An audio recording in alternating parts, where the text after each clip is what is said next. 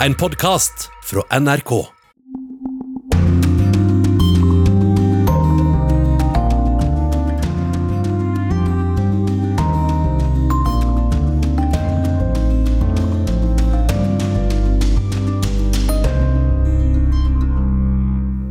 Koronakrisen gjør at ni av ti barn i verden ikke går på skole.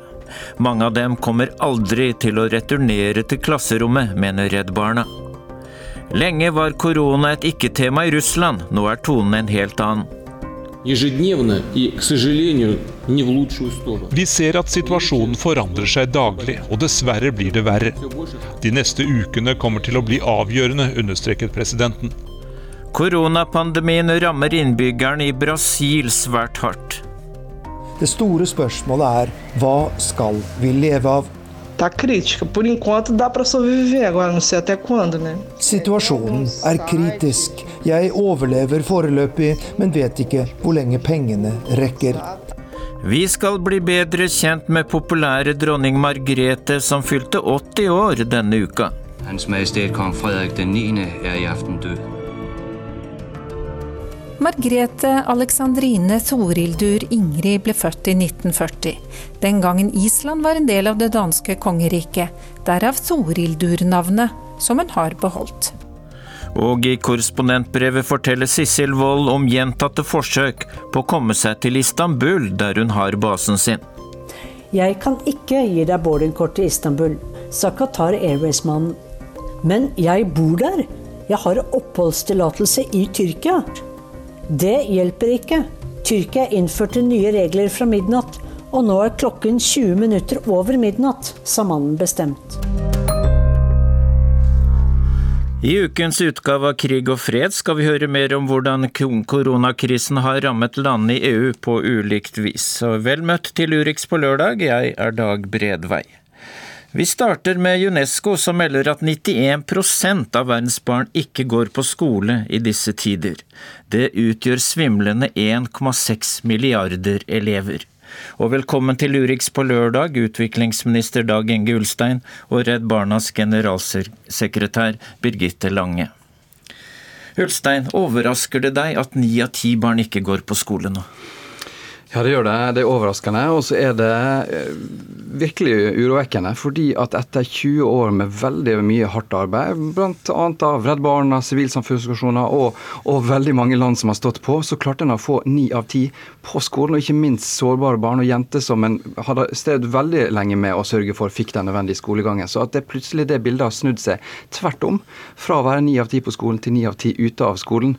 Og jeg satt eh, noen dager og fulgte med på en sånn live-oppdatering på antall land og antall områder som stengte ned skolene. og da, da, tenkte jeg ikke bare på det som skjer akkurat nå, men den vanskelige vanskelige jobben vi har, eh, som vi kommer til å dra med oss lenge i mange av de mest, eh, minst utviklede landene, og der vi har de mest sårbare eh, gruppene. Så, så, det uroer meg eh, virkelig. Frykter du at mange barn aldri vil vende tilbake til klasserommet igjen? Ja, en har jo erfaringer bl.a. fra, fra ebolautbruddet i Vest-Afrika. Så så en det at pga.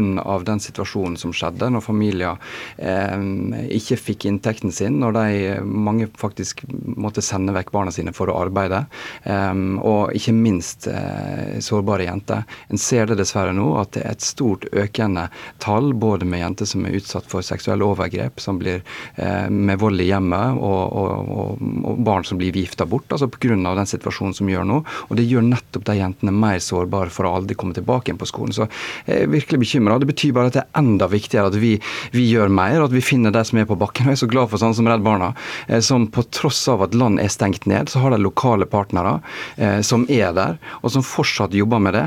Eh, selv når noen av skolene er stengt, så er, er, det fullt mulig å være med og bidra inn i de, de områdene. Og ikke minst har de erfaring med å nå de mest sårbare gruppene, de mest sårbare barna. Så um, det blir enda mer avgjørende at vi klarer å, å benytte oss av den kompetansen og den erfaringa som, som, som Redd Barna og andre har. Ja, Birgitte Lange, du har nettopp vært i Colombia. Hvilke konsekvenser har korona for barns skolegang i land der barn er mest sårbare? Det er jo helt riktig som utviklingsministeren sier. De, koronakrisen får enormt konsekvenser for barn. Og som eh, Dag Inge Ulstein sier, så er det jo de mest sårbare barna som blir rammet. Jeg var i Colombia for noen uker siden, i grenseområdene, og fikk sett da betydningen av skole for både venezuelanske barn og colombianske barn på grensen. Og nå når den undervisningen må foregå på, via fjernundervisning, som Colombia har fått til på en helt fantastisk måte, så er det likevel de mest sårbare barna som ikke nås. Det kan være barn f.eks. i Colombia som bor eh, der hvor det er dårlig dekning for det digitale undervisning. Det kan være barn hvor familiene ikke har noen eh, tilgang til teknologiske hjelpemidler. Det kan være barn med funksjonsnedsettelser. Og ikke minst så kan det være barn hvor den fysiske skolen har vært det eneste stedet de fikk et fast måltid om dagen. Så selv i et land som Colombia, som har virkelig gjort en formidabel innsats med å få på plass gode systemer for fjernundervisning, så er det store grupper av sårbare barn som faller utenfor, og som går glipp av den grunnleggende retten til utdanning som alle barn over verden har. Før vi snakker sammen videre, så skal vi en liten avstikker til Kenya. Familien Boni i Nairobi har hjemmeskole. Sønn Alex i 7. klasse får undervisning via TV. Melanie i 1. klasse har ikke hjemmeskole. Det starter først i 3. klasse i Kenya. Og før sending snakket jeg med far Peter Boni, som snakker om sønnens hjemmeskole. There is, there is one teacher and two, two TV. The teacher questions, and and they, they, they give them like one two minutes to answer the questions. Once the question is passed, I also check with my son. If it's passed, it's passed. Is the homeschool through TV okay for uh, your son? Yes, actually, it helps a lot uh, because we, we have the system already in our our cell phones. We, we know we know exactly which subject is going to start in the morning, and he always ready for that subject for one hour. So one hour in the morning from nine to ten, and then another hour in the afternoon. Yes, in the afternoon, from, from 2 to, to 3 p.m. in the afternoon. Do most children in Kenya have access to TV? No, no, not all. Actually, not all. There's some, there's some places like in slums. Some they don't have even electricity. They cannot access to TV. Many people in uh, Kenya and other African countries they are using radio. Uh, well, yeah, that, that's, that's that's another option. You can they, you can listen to the radio. You, as a parent, are you happy with the homeschool system? Uh, for now, I'm happy because it's better than nothing. For now, I'm happy. It's better than nothing. Ja, Ulstein, vi hørte her fra familien Boni i Kenya, der det er hjemmeskole med bruk av SMS og TV og radio. Det høres vel ikke verst ut uh, der? Nei, og det er jo store nyanser der, som det er her. Um, og jeg tror det er utrolig viktig å, å se hva både ny teknologi kan, kan gjøre. Um, og Derfor så er det en del av de programmene som vi er inne i, handler både om å få tilgang til, til nett, uh, det å sende opplæringsmateriell hjem uh, i den perioden her, og ikke minst å bruke radio og TV der det også er mulighet. Men, men utfordringa er jo sånn som, som, du har sagt så godt her, at det er mange som ikke har strøm. Det er mange som ikke har tilgang, som ikke har mulighet. Så igjen så er det de mest sårbare som blir ramma hardest i en krise sånn som det her. Så um, det er jo derfor vi trenger òg noen som er der skolene er stengt. Og så vet vi kanskje at skolebygningene fortsatt kan være et sted der det er mulig å få etablert f.eks. vasker, få opprettholde noen av de programmene som ligger der. Eh, Birgitte var inne på det som handler om, om skole skolemat. Eh, et av de siste landene jeg besøkte, var Malawi, der 40% av barna som går på skole, hadde skolemåltidet som sitt eneste ernæringsrike måltid i løpet av en dag. Og Da får det så enorme konsekvenser når skolene er, er stengt ned. Men eh, absolutt det her med å, å, bruke ny teknologi, og der er jo mange av de norske hjelpeorganisasjonene aller lengst framme. Eh, og Det er bakgrunnen for at vi har utvikla et digitalt bibliotek, faktisk, der vi har skolemateriell på 45 språk. Håper det kommer opp over 100 fram mot sommeren. som vi vi distribuerer ut til mange av de eh, samarbeidslandene våre som vi, vi, jobber i. Lange, på hvilken måte vil du utfordre Ulstein her til å gjøre mer? Eh, først og fremst vil jeg takke norske regjeringen og Ulstein for den, det arbeidet og den oppmerksomheten han har på dette området. Det er kjempeviktig. Men det vi trenger nå, er et globalt lederskap for å sikre at barn får rett til utdanning.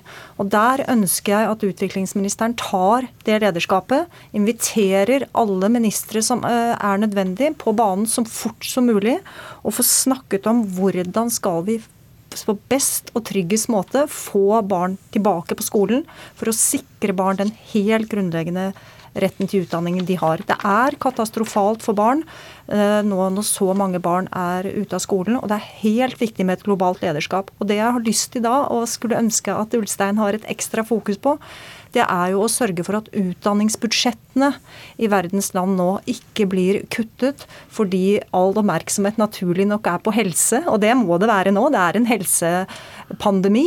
Men at ikke ikke eh, utdanning går mer i dragsuget når det gjelder utdanningsbudsjettene. Det er en hovedoppgave som jeg håper Ulstein eh, griper fatt i. Hva svarer du Ulstein på utfordringen? For det første så er jeg veldig glad for at vi eh, både blir utfordra, og jeg tror at Eh, noe av den viktigste jobben vi kan gjøre, er nettopp det å holde oppmerksomhet på de langsiktige, underliggende utfordringene eh, som er der. Eh, selv om vi vet at det er noen både program og ting som må gjøres på en litt annen måte akkurat når den mest akutte helsekrisen er der. Men så har vi altså hatt, hatt et lederskap i Norge knytta til, til, utdanning, og det ønsker vi å forsterke. Blant annet så er vi altså den nest største giveren til Unicef sitt utdanningsprogram. Over de neste tre-fire åra så bidrar vi med, med, med en, en halv milliard til til et, et, fond som heter Education Cannot Wait, som, som, nettopp handler om utdanning i krig og konflikt og for det aller mest eh, sårbare.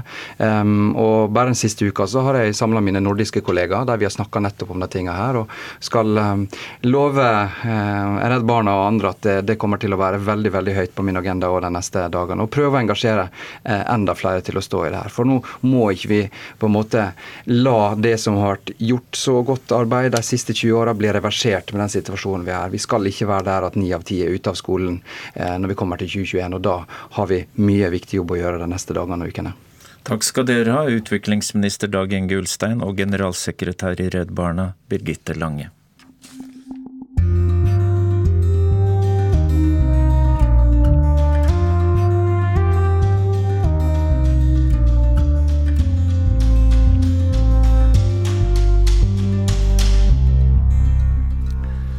I Russland har antallet koronasmittede økt kraftig fra dag til dag den siste tiden, og myndighetene regner med at det verste fortsatt ligger foran dem. Russland-korrespondent Jan Espen Kruse har laget denne reportasjen. Пандемия требует мобилизации. В московской Боткинской больнице обучают врачей-реаниматологов. На дежурство заступил глава Минздрава... Nyhetssendingen er i gang med fynd og klem på en av de statlige russiske kanalene. Journalistene forteller entusiastisk at alt gjøres for å sette sykehus og helsepersonell i stand til å ta seg av det stadig økende antallet koronapasienter. Det blir ikke sagt så mye om helsearbeiderne klarer å ta seg av alle pasientene, eller om de har nok beskyttelsesutstyr og pustemaskiner. Men president Vladimir Putins talsmann sa denne uka at sykehusene i Moskva-området allerede arbeider på grensa av det de kan klare. Итак, в России за сутки зафиксировано 2774 новых случая коронавируса в 51 регионе. De offisielle tallene viser at antallet smittede øker for hver dag som går. Folk flest i den russiske hovedstaden har fått ordre om å holde seg hjemme. Denne uka ble det innført en elektronisk tillatelse som folk som beveger seg ute i byen må vise fram på politiets kontrollposter.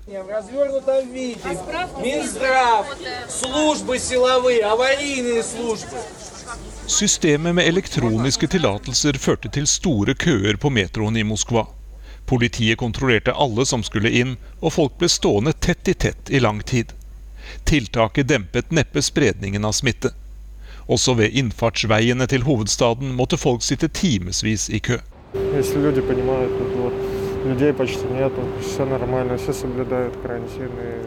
Jeg tror ikke vi trenger hardere tiltak nå. Det holder. Alle respekterer påbudet om å holde seg hjemme, sier moskovitten Aleksej til nyhetsbyrået AP. Ситуация серьезная в стране, и нужно соблюдать режим самоизоляции. Выходить из дома только по необходимости. Situasjonen i landet er alvorlig. Det er viktig at folk respekterer ordningen med å isolere seg selv. Vi kan bare forlate hjemmene våre når det er absolutt nødvendig, sier Marina Novikova.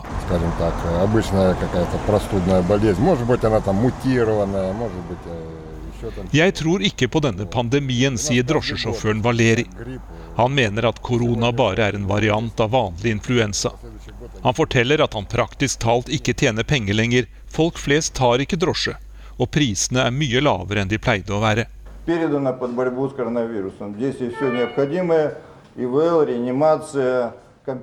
Ordfører Sergej Sabjanin i Moskva besøker et av sykehusene som er gjort om til å ta seg av koronasyke. Han forteller at 4500 medisinstudenter har blitt mobilisert for å hjelpe til på byens sykehus. Planen er å ha 21 000 sykehussenger klare til å ta imot koronapasienter i løpet av de neste ti dagene. Likevel frykter myndighetene at dette ikke er nok, og at det kan bli mangel på sykehussenger i løpet av to til tre uker. Det blir heller ikke sagt noe om hvor mange pustemaskiner som finnes tilgjengelig i Moskva og i resten av Russland. Regionale федеральные, но и частные клиники. Уже две клиники сегодня в работе, сегодня третья. Både regionale, føderale og private sykehus blir nå klargjort for å kunne ta imot koronapasienter, sier Moskvas ordfører Sergej Sabjanin. President Vladimir Putin har tidligere alltid dominert nyhetssendingene i de statlige TV-kanalene. Nå har han trukket seg tilbake til residensen i utkanten av Moskva, der han styrer landet fra et skrivebord med PC og videokamera. Budskapet han kom med tidligere denne uka, var ganske dystert. Мы видим с вами, что обстановка меняется практически ежедневно и, к сожалению, не в лучшую сторону. Vi ser at situasjonen forandrer seg daglig, og dessverre blir det verre. Antallet smittede øker, og i tillegg blir det flere alvorlig syke. De neste ukene kommer til å bli avgjørende, understreket presidenten. Den politiske opposisjonen i Russland kritiserer Putin for å ha reagert for sent på koronakrisen. Den kritikken avviser presidenten. Han mener at Russland ligger bedre an enn mange andre land. Необходимо учитывать все сценарии развития ситуации, даже самые сложные и экстраординарные. Vi må forberede oss på alle muligheter, også de vanskeligste og mest spesielle. Først og fremst må vi forberede oss på hva slags medisinsk behandling våre borgere skal få, understreket Putin. En rapport fra Det internasjonale pengefondet denne uka viser at 2020 blir et økonomisk katastrofeår uten like for Latin-Amerika. Årsak koronakrisen. Arnt Stefansen i Rio de Janeiro har sendt oss denne reportasjen. Et samfunn som til vanlig syder av liv, er grepet av dyp frykt og fortvilelse. I Rio de Janeiros største fattigkvartal, Rosinha, har koronaviruset krevd sine første dødsofre, og de rundt 100 000 innbyggerne er forberedt på det verste. Men smitte og sykdom er bare én del av vår bekymring, sier den 32 år gamle turistguiden Luisa Chávez til NRK. Det store spørsmålet er hva skal vi leve av? Tá crítica. Por enquanto dá para sobreviver, agora não sei até quando, né? Situasjonen er kritisk. Jeg overlever foreløpig, men vet ikke hvor lenge pengene rekker. Det kommer selvsagt ingen turister nå, og dette kan vare lenge. Tusener av andre her i favelaen har også mistet jobben, og desperasjon vokser for hver dag som går, sier hun. Og slett ikke alle følger påbudet om å stenge virksomheter som ikke er livsviktige. Mange barer og kafeer her i Rosinja holder åpent, og jeg skjønner dem godt, for de må jo skaffe penger til familiene, sier 32-åringen. Og det er fortsatt mange som reiser inn og ut av favelaen fordi de jobber i de rike bydelene. Jeg skjønner det også, men smittefaren er stor, sier Luisa Chávez, som pleier en syk gammel far med høy risiko for å dø av korona. Like no det internasjonale pengefondet la denne uken frem sin økonomiske prognose for 2020, og tallene for Latin-Amerika er fryktelige. Regionen med sine 550 millioner innbyggere vil få en økonomisk nedgang på mer enn 5% og for Brasil blir nedgangen den største på mer enn 100 år. For kloden som helhet blir koronaresesjonen på 3 spår pengefondet. This makes the great lockdown the worst recession since the Great Depression dette gjør den store nedstengningen til den verste resesjonen siden den store depresjonen på 1930-tallet, sier pengefondets sjeføkonom Jita Gobinath. Dette er en mye dypere krise enn finanskrisa som startet i 2008, og det er enestående at både den rike og den fattige verden er i resesjon samtidig, sier hun. Og den store forskjellen er at millioner av mennesker her i sør er uten et sosialt sikkerhetsnett. En politibil kjører rundt i gatene i Latin-Amerikas største by, Mexico City, og ber folk følge myndighetenes sikkerhetsbestemmelser. Mexico blir ifølge pengefondets prognose hardest rammet av alle økonomier her i Latin-Amerika, med en nedgang på hele 6,6% i år. Det største fallet i noen større økonomi i den vestlige verden. Vi kommer ikke til å dø pga. koronasmitte, men pga. sult, sier en av selgerne. Vi lever fra dag til dag, og hvis vi ikke jobber, har vi ingenting å spise. Myndighetene kommer ikke til å bruke penger på å hjelpe oss, sier han. Fattigdom dreper, er et uttrykk de fleste kjenner her i Latin-Amerika. Og sjelden har det vært mer aktuelt enn nå, i koronaens tid. Vi skal til Danmark og landets svært så populære dronning som fylte 80 år denne uka. Men pga. koronapandemien ble dagen markert med sang, og det på behørig avstand.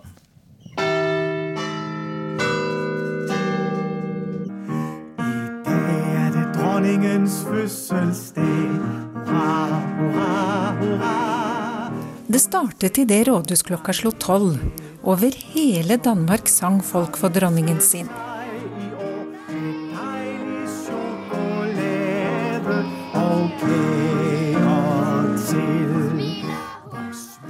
Ønsker om deilig sjokolade med kake til, som det synges her, erstattet den planlagte storfeiringen på regentens 80-årsdag. De fleste dansker hadde nok gjerne gitt sin dronning en storslagen feiring, slik den hun fikk for fem år siden. De er nemlig helt ville med sin dronning, som de sier, når de er begeistret for noe eller noen. 80% av innbyggerne er tilhenger av monarkiet, viser en undersøkelse gjengitt til Berlingske. Kulturreporter Mette Hybel i Danmarks Radio sier dronning Margrethe har en slags verdensrekord i rojal tilslutning. Det er ikke noe sted hvor tilslutningen monarkiet er større enn den er i Danmark. Margrethe vokste opp sammen med to søstre. Ingen mannlig arving til tronen gjorde at tronfølgerloven måtte endres, slik at en kvinne kunne overta. Og i 1972 ble tronen hennes, da faren, Fredrik 9., døde. Hans Majestet Kong Fredrik 9. er i aften død. Margrethe Alexandrine Thorildur Ingrid ble født i 1940. Den gangen Island var en del av det danske kongeriket, derav Thorildur-navnet, som hun har beholdt. I dag er Grønland fremdeles en del av det danske riksfellesskapet, og også derfra kom det fødselsdagshilsen.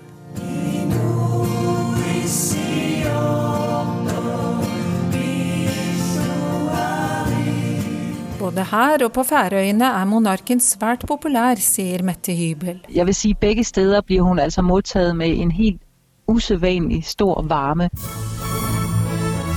Dronning Margrethe har fått oppmerksomhet for sine kunstneriske talenter. Til balletten Et folkesagn har hun designet kostymer, og hun har illustrert en dansk utgave av Ringenes herre. Hun har drevet med kopasj, der man klipper og limer med fargerikt papir.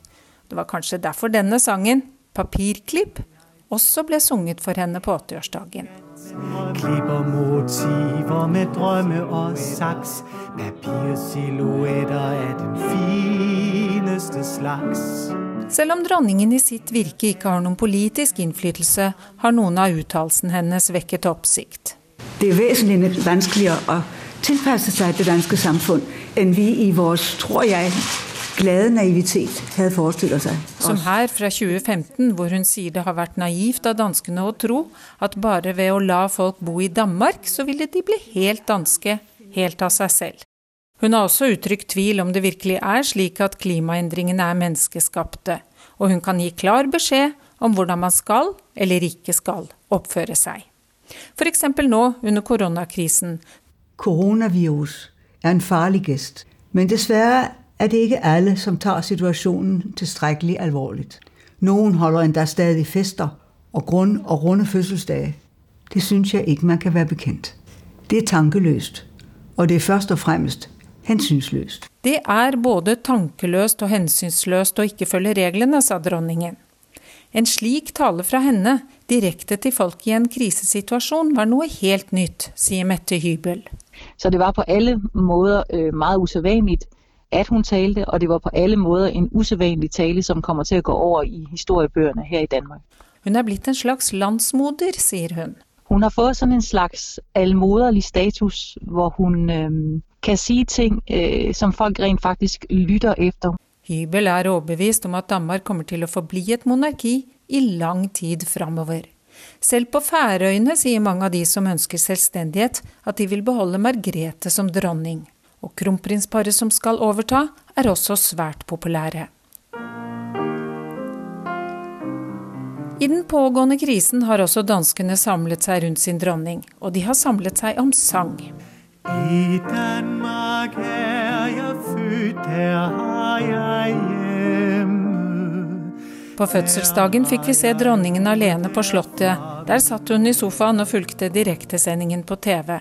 En annerledes fødselsdag, men en gave som traff henne rett i hjertet, sier hun. Takk, takk for sangen. Det var virkelig en fantastisk opplevelse.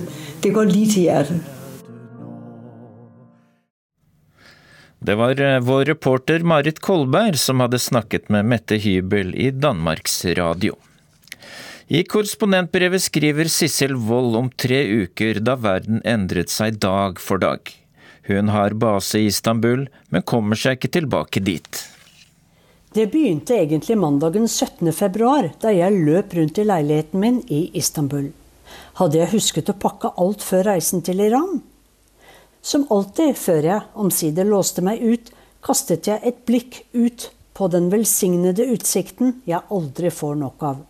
Marmarahavet, Aya Sofia og skylinen med de slanke minaretene. Lite visste jeg om at verden slik jeg kjente den, skulle falle fra hverandre bit for bit de neste ukene, og at jeg ikke skulle vende tilbake hit. Etter fem dager på jobb i Iran fikk vi overraskende nyheter. De sier at KUM har hatt et stort koronautbrudd. Åtte mennesker har dødd, sa tolken Afsane. Vi hadde akkurat satt oss i den lille gule taxien til Hussein for å kjøre fra Isfahan til Teheran, en tur på fem timer. Vi må vaske hendene hele tiden nå, sa Afsane. Å, hvorfor det, spurte jeg. De sier det hjelper mot viruset. Fra bilen så jeg ut på det golde, brungrå landskapet som suste forbi. Da vi nærmet oss avkjørselen til den hellige byen Kum, vi sjåfør Hussein om å sette klampen i bånd. For der, i koronaens nye episenter, steg dødstallene raskt. Fotografen min syntes det ble for utrygt i Iran, så han satte seg på første fly til Tyrkia. Afsane fant en ny fotograf, for vi måtte fortsette å filme. Men hva var dette viruset, og hvordan skulle man forholde seg til det? Langs veiene begynte det å dukke opp plakater som viste at vi måtte vaske hendene. Sosial distansering derimot var ennå ikke noe tema. En morgen da vi satte oss i bilen, var Hussein iført hvitt munnbind og hvite latekshansker. Er det så alvorlig? spurte Afsan og jeg forundret. Kona sier at jeg må ha på dette, for jeg er i risikogruppen, sa han lettere oppgitt. Å, sa vi. På hotellet i Teheran begynte de å sjekke om vi hadde feber hver gang vi kom inn. Store håndspritdispensere dukket opp i lobbyen og på restaurantene. Gjestene begynte å dra. Til slutt møtte bare en afrikansk forretningsmann og jeg til frokosten. Intervjuavtalene våre ble avlyst én etter én. Og da vi skulle intervjue en lege på et sykehus om medisinmangel som følge av USAs sanksjoner, ble filmtillatelsen inndratt. I stedet måtte vi intervjue dr. Reza Shahrami i hotellobbyen. Og det mens pianisten spilte musikk fra filmen 'Titanic'. Ikke akkurat ideelt. Doktor Reza selv hadde tankene andre steder. Nå behandler jeg bare koronapasienter, fortalte han. Afsane og jeg lente oss frem. Å, fortell oss alt om det! Legen viste frem bilder av seg selv i full robotdrakt og beskrev pustevanskene til pasientene. To av dem døde denne uken, og nå er to av kollegene mine smittet, sa han. Etterpå var jeg glad vi ikke hadde håndhilst på doktor Reza. Fire dager før avreisen fra Iran tikket det inn en mail fra Turkish Airlines. Bookingen min var kansellert. Nå tok de bare med seg tyrkiske statsborgere fra Iran. Og I tillegg kansellerte stadig flere flyselskap sine flyvninger. Jeg diskuterte situasjonen med sjefen min, Sigurd. Planen min var å reise innom Istanbul, pakke om og så dra til Oslo for å redigere Iran-sakene. Du, det er noe vi må snakke om, sa Sigurd. For kommer du til Norge, ja, så må du i karantene. Du må sitte to uker hjemme uten å treffe noen. Tuller du, tenkte jeg. Hva slags påfunn er dette? Med hell fikk jeg den siste plassen på Qatar Airways fly via Doha til Istanbul klokken tre om morgenen 29. februar. På Imam Khomeini-flyplassen var stemningen kaotisk og amper. For flere fly nektet nå å ta med seg iranske statsborgere, blant dem en familie som hadde flyttet til Australia. Mor og datter gråt åpenlyst, mens faren forsøkte å trøste dem. Stakkars folk, tenkte jeg mens jeg kjempet meg frem til skranken for å sjekke inn. Jeg kan ikke gi deg boardingkort til Istanbul, sa Qatar Airways-mannen. Men jeg bor der. Jeg har oppholdstillatelse i Tyrkia. Det hjelper ikke. Tyrkia innførte nye regler fra midnatt, og nå er klokken 20 minutter over midnatt, sa mannen bestemt. Heldigvis har jeg et hjem i Norge, og fikk en billett til Oslo via Doha. På det overfylte flyet fra Doha satt vi alle med masker på. For de siste dagene hadde koronasmitten bredt seg raskt i Iran, og ingen stolte verken på tall eller informasjon fra myndighetene. Og gud vet hvor mange som var smittet om bord på flyet. Og derfor, da vi ankom Qatars internasjonale flyplass, ble vi tatt hånd om som om vi var spedalske. Etter febersjekk og mange spørsmål ble vi plassert i et avstengt område nøye passet på av strenge vakter. Kontrasten til Gardermoen sju timer senere kunne ikke ha vært større. Jeg regnet med at politi og helsemyndigheter sto klare der også, da jeg kom fremdeles med munnbind, klar til å tilstå forholdet. Men nei, det var ingen som spurte hvor jeg kom fra. Og så satt jeg plutselig i sofaen hjemme i Oslo i karantene. I stedet for å nyte synet av det blå Marmarahavet, så jeg mot Kolsåstoppen. Det var godt å være hjemme, men uendelig trist å ikke kunne treffe noen av alle dem jeg savner ellers, venner og familie. Mannen min Ragnar hadde fylt opp kjøleskapet og dratt på roadtrip i Norge. Stillheten ble brutt av folk som ringte og spurte hvordan det var å sitte helt alene, for jeg var en kuriositet da. Men hvorfor satt jeg egentlig i denne husarresten, for jeg var jo helt frisk?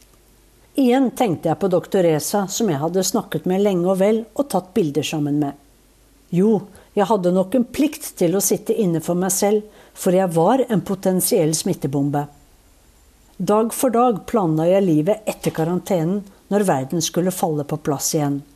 Alle filmene jeg skulle se på kino, og alle vennene jeg skulle ta en kaffe med som jeg gledet meg til å vende tilbake til det levende. Men så, dagen før karantenen var over, stengte Tyrkia grensene for nordmenn og europeere fra land med smitte. Og regjeringen satte i verk de strengeste tiltakene siden krigen. Og NRK ville at vi skulle ha hjemmekontor. Tuller dere, tenkte jeg. Jeg må se mennesker. Jeg må ut. Men den verdenen jeg lengtet sånn etter, var borte, med noen unntak. For at det skulle være så stas å gå inn i en matbutikk, det hadde jeg aldri trodd.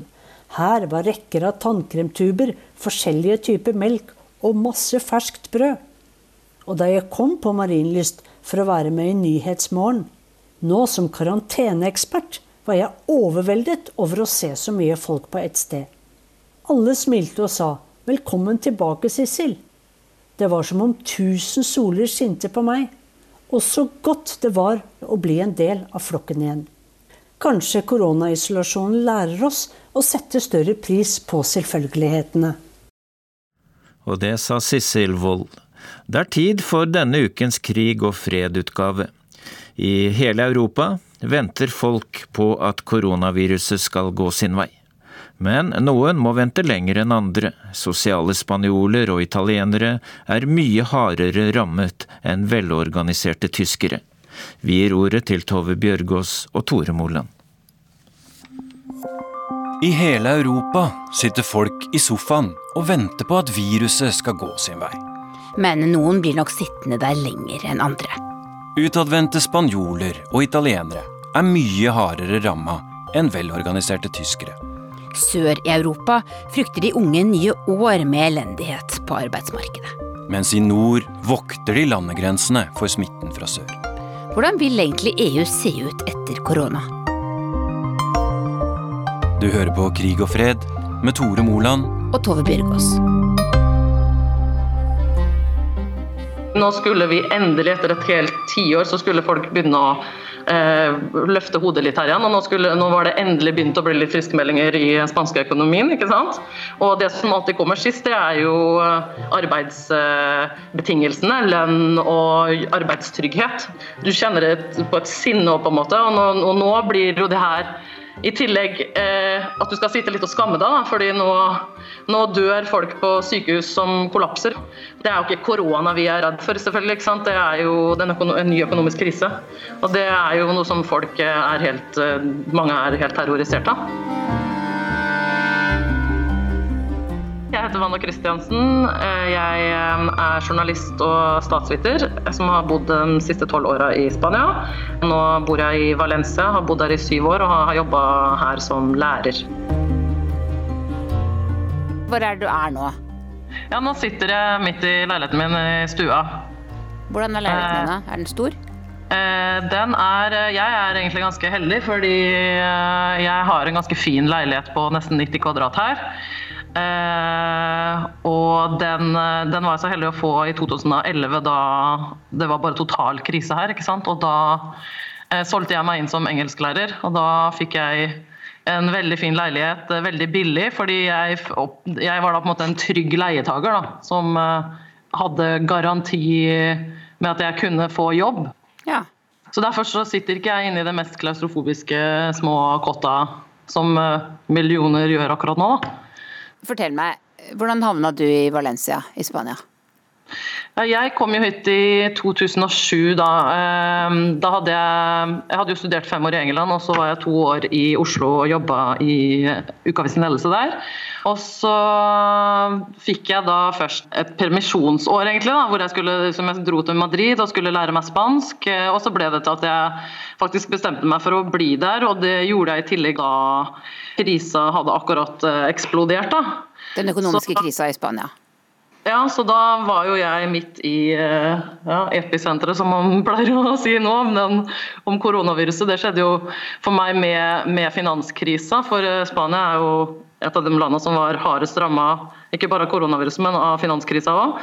Da jobba jeg som eh, frilansjournalist for, for norske aviser og har bare sett da hvordan folk har måttet dra til utlandet. ikke sant? Det var en enorm brain drain fra Spania. ikke sant? Hjerneflukt. Det var ingen jobber for gjerne høyt utdanna folk heller.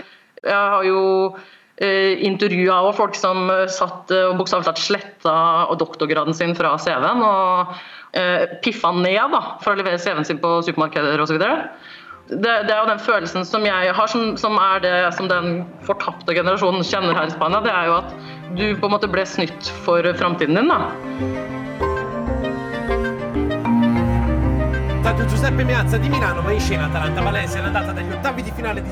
Det spanske fotballaget Valencia spilte Champions League mot italienske Atalanta i februar og mars.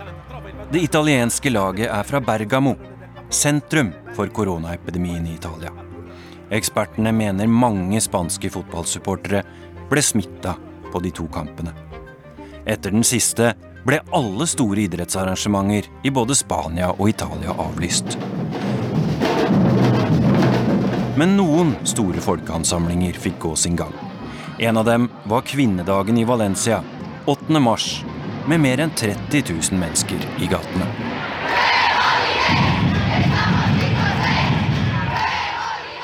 Ja, så På 8. mars så gikk jo jeg i det kvinnetoget. Og det var jo bare noen få dager før eh, alt raste sammen. ikke sant? Og det var jo så mange at vi ble stående bare helt stille i lang, lang tid. Toget gikk ikke, fikk ikke engang beveget seg bortover.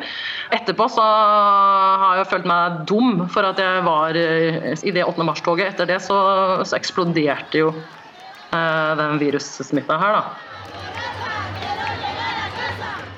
Hvordan er reglene i Spania nå? Hva kan du gjøre?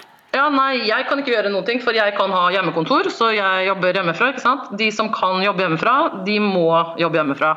Eh, men kan du ikke det, så kan du nå få gå på jobb igjen. da. Du kan gå ut for å gå på jobb, fram og tilbake til jobb. Du kan gå til butikken eller apoteket. Helt sånn ekstreme nødstilfeller. Du kan eh, lufte hund, da den angsten slo innover meg når, når, vi skulle nå bare bli lost inne. ikke sant? Den første dagen da så slo jeg meg plutselig en dag at jeg sto her og rasjonerte på søppelet mitt, rett og slett. Jeg, jeg ville ikke gå ut med både søpla og f.eks. plastresirkuleringa samtidig. Det, det ville jo ikke sant, å sløse, sløse med søppelet mitt. ikke sant? Du ville spare det til dagen etter, så du fikk ja, gå ut en tur til?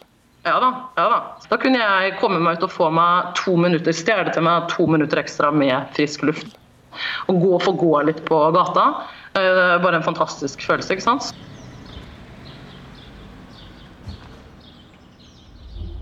sånn ser han ut, eh, reportasjebilen, etter snart ei uke med koronarapportering. Vi må ha større bil med klorinen, og her er fotpose. Hallo, Roger. Ja. Hvordan går det med forkjølelsen? Eh, jeg er ikke forkjølt, jeg har litt pollenallergi. Um, og det har gått bedre. Du er sikker på at det er det? Eh, ja, for nå uh, fikk jeg telefon, så testen var negativ. Jeg heter Roger Severin Bruland. Jeg er europakorrespondent i Berlin. Og har reist eh, tre reportasjeturer til Italia midt under koronakrisa. Altså, hvordan er det akkurat nå? Nå er du i karantene hjemme, ikke sant? Ja. Da kan du ikke gå ut i det hele tatt? Jo, altså i Berlin kan du jo gå ut for det det er så store områder. Så eh, altså får du lov til å gå en tur i en park her nede for Spre der det ikke er noe folk. Uh, for, for, her er jo god plass, ikke sant. Men fortell det her, forklar dette her for oss, Roger. Altså, I Tyskland så har jo dødstallene vært mye lavere enn i andre europeiske land med, med like mange innbyggere. Og eh, det virker som de har fått mye bedre kontroll på, på situasjonen, og det har også hjulpet Italia bl.a. Hva er det tyskerne har gjort som andre land ikke har gjort? Jeg tror det har skjedd veldig mye bak kulissene. De har drevet veldig sånn systematisk testing, og så klart å stoppe sånne utbrudd før før de har, før har mista kontrollen. Da. Så de hele tatt har hatt kontroll. Og de har samler data, de prøver å finne ut alt om dette her viruset. Finne ut hvordan det smitter, hvordan det oppfører seg i befolkninga. Og Før eh, korona så hadde de 28 000 intensivsenger i Tyskland. Det er 34 senger per 100 000 innbyggere. Og. Til sammenligning så er det vel rundt ni i Spania og Italia. På grensa til Austerrike blir jeg møtt av soldater og politi. Ja. Okay, haben Sie Dank voll? Ja, ist full dank. Men Roger, vi må snakke om det du har vært eh, igjennom de siste ukene. Du reiste altså til Italia, til Bergamo, til et sykehus, eh, et av de sykehusene som er hardt Monza. rammet. Ja, det heter det. Jeg hadde aldri turt å gjøre det, for å si det sånn. Eh, hvorfor valgte du å gjøre det, egentlig? Jeg syns det var en viktig sak. Du har 1000 døde hver dag. Alle er traumatiserte.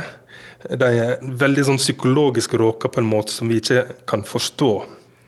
Og Da er det viktig å reise ned og vise sånn har de det der nå. Innenfor slusa ligger noen få av de 100 intensivpasientene ved sykehuset. Alle ligger i respirator. Det tror jeg er kanskje det sjukeste jeg noensinne har sett. Det er bare rett og slett helt forferdelig. Jeg har jo vært eh, krigssoner før, og det er liksom akkurat den samme stemningen. den der. Her er, det, her er liksom Her ligger samfunnet til knes, liksom. For Italia var jo det første landet der det her eh, kom til Europa og ble skikkelig alvorlig. Så det blir jo liksom symbolet på, på liksom korona i Europa, er jo, er jo liksom Italia. Da. Så, så det har vært en sånn spesiell reise eh, å kunne reise på disse her eh, tre turene. Og tre helt forskjellige turer. Ja, hvordan, hvordan da? Tre forskjellige Europa? Ja, fra at eh, du kan ta fly, til at eh, ja, kanskje nå er det ikke så lurt å ta fly lenger, nå tar vi bil. Til at eh, ja, vi tar bil, men vi har ikke noen plass å bo. Til at alle grensene er stengt, og du må forhandle deg over alle grenser. Altså, hele Europa har, stengt ned. Det er jo ganske vilt å tenke på. Eh, Jeg tror ikke det har gått opp for oss eh, hva det som egentlig har foregått. Og det har foregått på i løpet av en måned, en og en halv måned. Aus meiner Sicht Europa, die Europäische Union vor der größten Bewährungsprobe EU er satt på den største prøven i sin historie, sier Angela Merkel. Den tyske regjeringssjefen og hennes tidligere forsvarsminister Ursula von der Leyen har brukt de største ordene om det som skjer i Europa nå. Von der Leyen er EU-president. Hun lover å hjelpe Spania og Italia, men EU-landene er ikke enige om hvilke virkemidler de skal bruke. I think it is important to keep in mind that looking forward, uh, the strongest sign for European solidarity is a strong European budget. Ja, jeg har jo da parkert bilen i Frankfurt, eh, nivå 3, terminal 1, parkering 1, og der står den til jeg klarer å hente den. Så du kjørte til Frankfurt og fløy til Norge, så nå må du tilbake til Frankfurt for å hente bilen, og så kjøre den til Belgia? Nå må jeg enten eh, tilbake til Frankfurt, eh, eller kjøre til Belgia, eller til Frankrike, et annet sted hvor jeg kan jobbe, eller eventuelt prøve å selge den der den står. Det tror jeg er litt vanskelig. Hei, jeg heter Philip Lote, er europakorrespondent for NRK, normalt i Brussel, men nå en liten tur i Norge. Kan ikke du bare forklare, for det er ikke alle lytterne som skjønner hvordan korrespondenter jobber.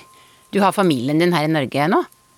Ja, familien flyttet hjem til Norge i sommer, så jeg prøver å være litt sammen med de når jeg kan. Og så er det forskjellige eh, karanteneregimer i ulike land i Europa som man forsøker å dekke. Så nå har base i Brussel, som jeg tenker hvor kan jeg reise uten å bli satt i karantene. Og hvis jeg reiser tilbake igjen til Belgia, så ville både jeg og en eh, kameramann eller kameradame blir satt i karantene. Så måtte planlegge den siste reportasjereisen ved å kjøre til et sted og finne en rute ut igjen derfra som kunne ta meg hjem til Norge uten å bli satt i karantene. Så da kjørte jeg til eh, Mulhouse i Frankrike eh, i forrige uke. Via Luxembourg. Og så kjørte jeg tilbake igjen inn i Tyskland og tok et fly til Norge derifra. Hva, hva sier det, på de forviklingene du nå beskriver om, om situasjonen i Europa akkurat nå, syns du?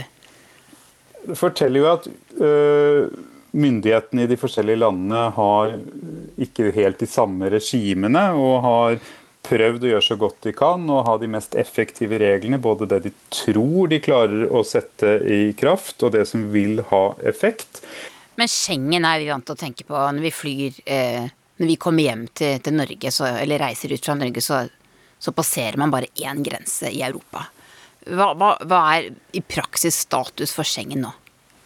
I praksis så har de fleste landene i Europa nå innført sine egne regler. og Det er det jo bestemmelser i Schengen-avtalen som gir dem lov til. Det har Norge gjort, det har Danmark gjort, Tyskland gjort, Frankrike, Belgia. Nesten alle landene i Schengen har gjort det. Når man er i en krisesituasjon, så kan man gjenopprette nasjonale grenser og ha kontroll på de. Det har skjedd da det har vært terrorangrep i Europa, og det skjer nå pga. korona. Det er jo veldig masse migrantarbeidere rundt, rundt, omkring i EU. Er det ulikt hvordan landene behandler disse også? migrantarbeiderne blir behandlet litt ulikt, også for så vidt i, eh, internt i EU så har det jo vært mye større kø og kontroll på grensen mellom Tyskland og Polen, hvor det er veldig mange eh, som pendler eh, inn i andre deler av Europa for å jobbe, fra Polen f.eks. Og noen land er jo helt avhengig av å ha sesongarbeidere, f.eks. landbruket i Spania.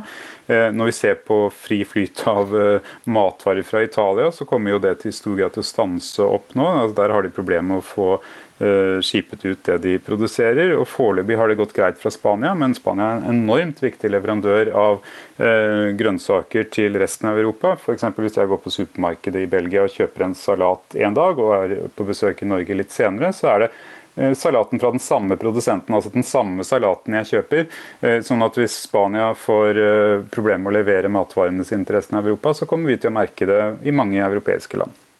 Men Philip, EUs respons på denne krisa?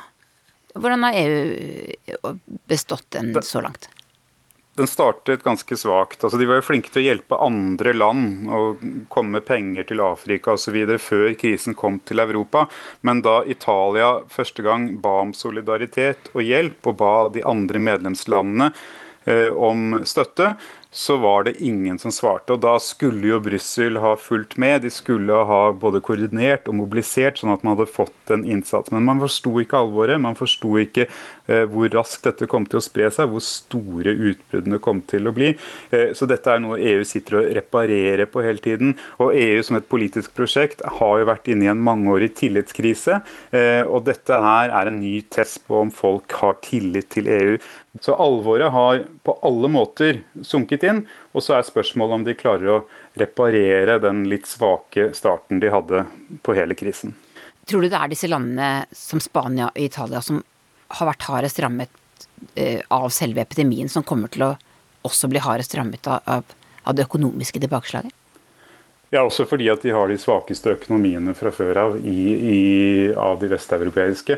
Eh, så er det de som kommer til å føle dette sterkest. De har den største ungdomsledigheten. Eh, men samtidig så tror jeg at EU, Europa, som et felles europeisk prosjekt, gjør at de skjønner at Italia og Spania eh, må få hjelp. Så jeg tror, selv om man er uenig, så tror jeg de kommer til å få ganske store økonomiske eh, bidrag. Og Spania hadde jo langt på vei klart å komme inn på en god kurs igjen økonomisk. Eh, så jeg tror det er en vilje til å, å hjelpe disse landene som kommer til å gå ganske langt. Vi må lage en Marshall-plan i EU for gjenoppbygginga etter pandemien, sier Spanias statsminister Pedro Sánchez. Han er blitt frisk etter at han sjøl ble smitta av korona i mars. Nå skal han lede det europeiske landet med flest smitta ut av krisa.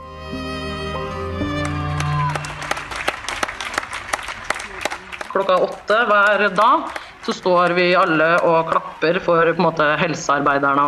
Og det har jo fått en sånn stor eh, anerkjennelse nå, ikke sant? de underbetalte jobbene med folk som jobber på butikker og sånne ting.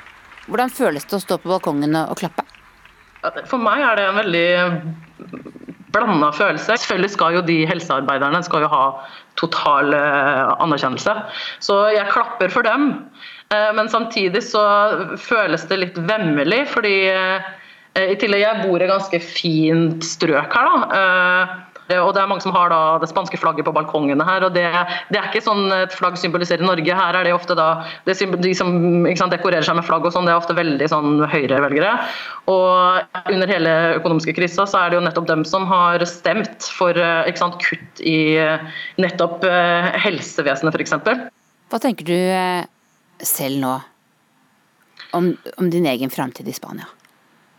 For å jobbe på offentlige skoler i Spania, da, så må du ta noen uh, veldig lange eksamener da, som folk bruker veldig lang tid på å, på å, forberede seg på. Og ikke minst siden det her er i Valencia, så måtte jeg lære meg valenciansk. Eh, for jeg kan jo kastiansk, eh, det kan jeg jo helt perfekt, men, men valenciansk det, det, tilsvarer katalansk. da. Eh, og det må du kunne på et veldig høyt nivå. Så nå sitter jeg jo her og må revurdere hele livsprosjektet mitt her. da, Fordi alt jeg har investert i det, det, det kanskje ikke går noen vei. Så jeg sitter her og lurer sjøl. Jeg må si jeg savner fryktelig Norge nå, fordi det er jo sånne underliggende strukturer i samfunnet her som gjør at det er, ikke noe tilfeldig for at Spania eller Italia eller nå f.eks. USA og er noen av dem hardest ramma. Det er jo en sånn kjent statsviter her som heter Vicent Navarro som akkurat har uh, vært ute og sagt her. Det er de som har hatt den politikken med harde kutt. Uh, det er dårligere velferdsordninger, uh, det er større ulikhet i samfunnet.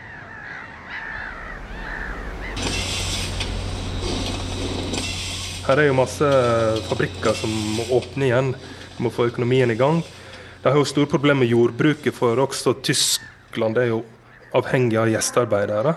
Ja, hva gjør de med det, da? Ja, nå har de jo sånn Landbruksdepartementet har en sånn kampanje. da, 'Hjelp en bonde'. Så du kan melde, skrive på liste, da. Så kan du reise ut til Brandenburg og hjelpe en mann med en traktor. Det kan du gjøre, kanskje. Du kommer fra en gård, ikke sant? ja. Jeg, jeg har nå jeg har nå en, en egen gard jeg må passe på i Norge som har lignende problemer. Du har hørt podkasten Krig og fred fra NRK Urix. Urix på lørdag er straks slutt. Teknisk ansvarlig Stein Nybakk, produsentene Emra Senel og Elias von Krogh, og jeg, Dag Bredvei, takker for følget. Vi ønsker dere alle en fortsatt god helg.